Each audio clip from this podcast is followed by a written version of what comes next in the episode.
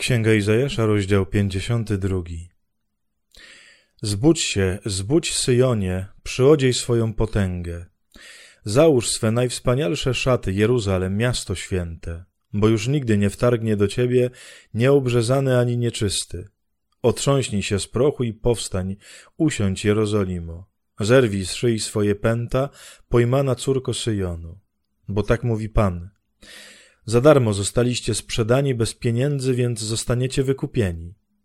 Bo tak mówi Pan Bóg. Kiedyś mój lud poszedł do Egiptu, aby tam przebywać jako cudzoziemiec. Potem Asyria srodze go gnębiła. A teraz jak mam postąpić, wyrocznia Pana, skoro mój lud za darmo był uprowadzony?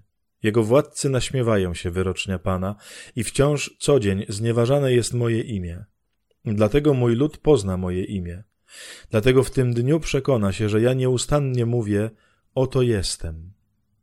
Jak bardzo oczekiwane są na górach stopy zwiastuna dobrej nowiny, który głosi pokój, zwiastuje dobro, obwieszcza zbawienie, mówi do Syjonu: Twój Bóg króluje. Słuchaj, Twoi strażnicy podnoszą głos, razem radośnie wykrzykują, bo na własne oczy widzieli powrót Pana na Syjon. Zabrzmijcie wspólnie radością ruiny Jeruzalem, bo Pan pociesza swój lud, wyzwala Jerozolimę.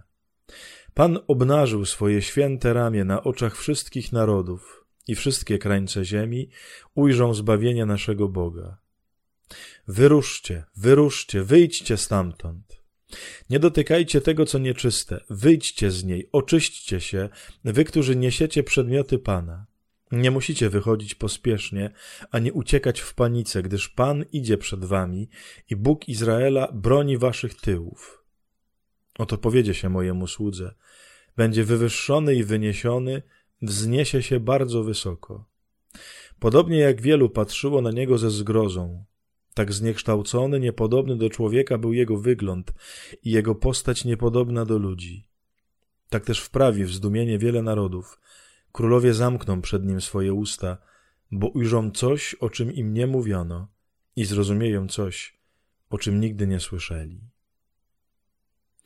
Kochani, przepiękny rozdział o wyzwoleniu Jerozolimy, o nadchodzących posłańcach, którzy prowadzą, którzy przynoszą wieść o wolności, o Bogu, który idzie z przodu i z tyłu. A to wszystko dlaczego?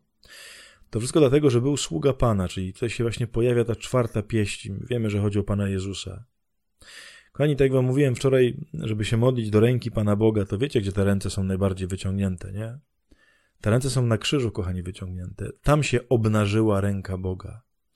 Nie w jakiejś potędze takiej, która, wiecie, zmiotła wrogów, tylko obnażyła się ręka Boga w miłości aż do końca.